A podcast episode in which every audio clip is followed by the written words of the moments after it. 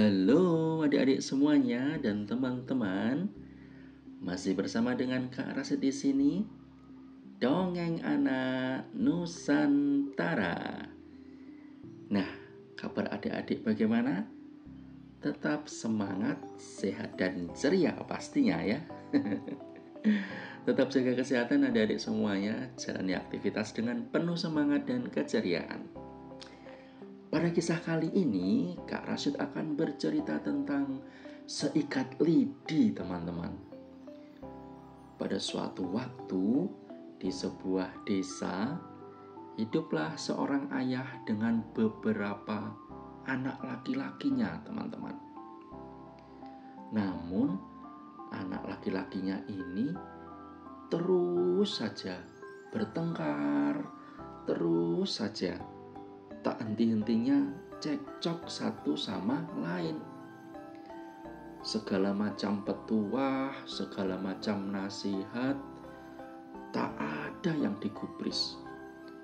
Sehingga sang ayah ini harus mencari cara bagaimana agar anak-anaknya ini bisa hidup rukun dan damai agar mereka sadar bahwa perselisihan, bahwa pertengkaran hanya akan mendatangkan kemalangan. Nah, suatu hari mereka cekcok, teman-teman. Percekcokannya terjadi begitu sengit. Wajah mereka, saling memberengut ke arah satu sama lain. Sang ayah kemudian meminta salah satu dari mereka untuk mengambil seikat lidi, teman-teman. Kemudian sang ayah menyodorkan ikatan lidi itu kepada masing-masing anak-anaknya silih berganti kemudian meminta mereka untuk mematahkannya. Meski telah mencoba sekuat tenaga, tak satu pun yang berhasil. Sang ayah kemudian melepaskan tali pengikat dan membagikan batangan lidi itu pada anak-anaknya untuk dipatahkan satu demi satu. Kalau ini amat mudah ya mereka kerjakan ya teman-teman ya. Anak-anakku, kata ayah, tidakkah kalian lihat betapa niscayanya ini? Jika kalian rukun dan saling membantu satu sama lain, mustahil musuh bisa mencelakai kalian tapi jika kalian terpecah belah, kalian tak lebih kuat dibanding sebatang lidi yang lepas dari ikatan.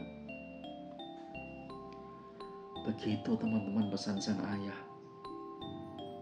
Wah, jadi pesan apa yang kita bisa ambil teman-teman? Seperti pepatah kuno mengatakan, bersatu kita teguh, tercerai berai kita runtuh. iya teman-teman. Jadi kalau kita punya saudara pasti lebih mudah ya dipecah belah oleh musuh kalau kita sering bertengkar sering berselisih dengan saudara-saudara kita yang lain tetapi akan lebih kuat ketika kita bersatu, rukun dan damai. Sehingga ketika kita punya harapan, punya tujuan, akan bisa saling membantu. Dan harapan itu, tujuan itu akhirnya bisa terwujud. Begitu teman-teman ya. Oke, demikian untuk kisah kali ini. Tetap sehat, semangat, dan selalu ceria. Sampai jumpa lagi. Dadah.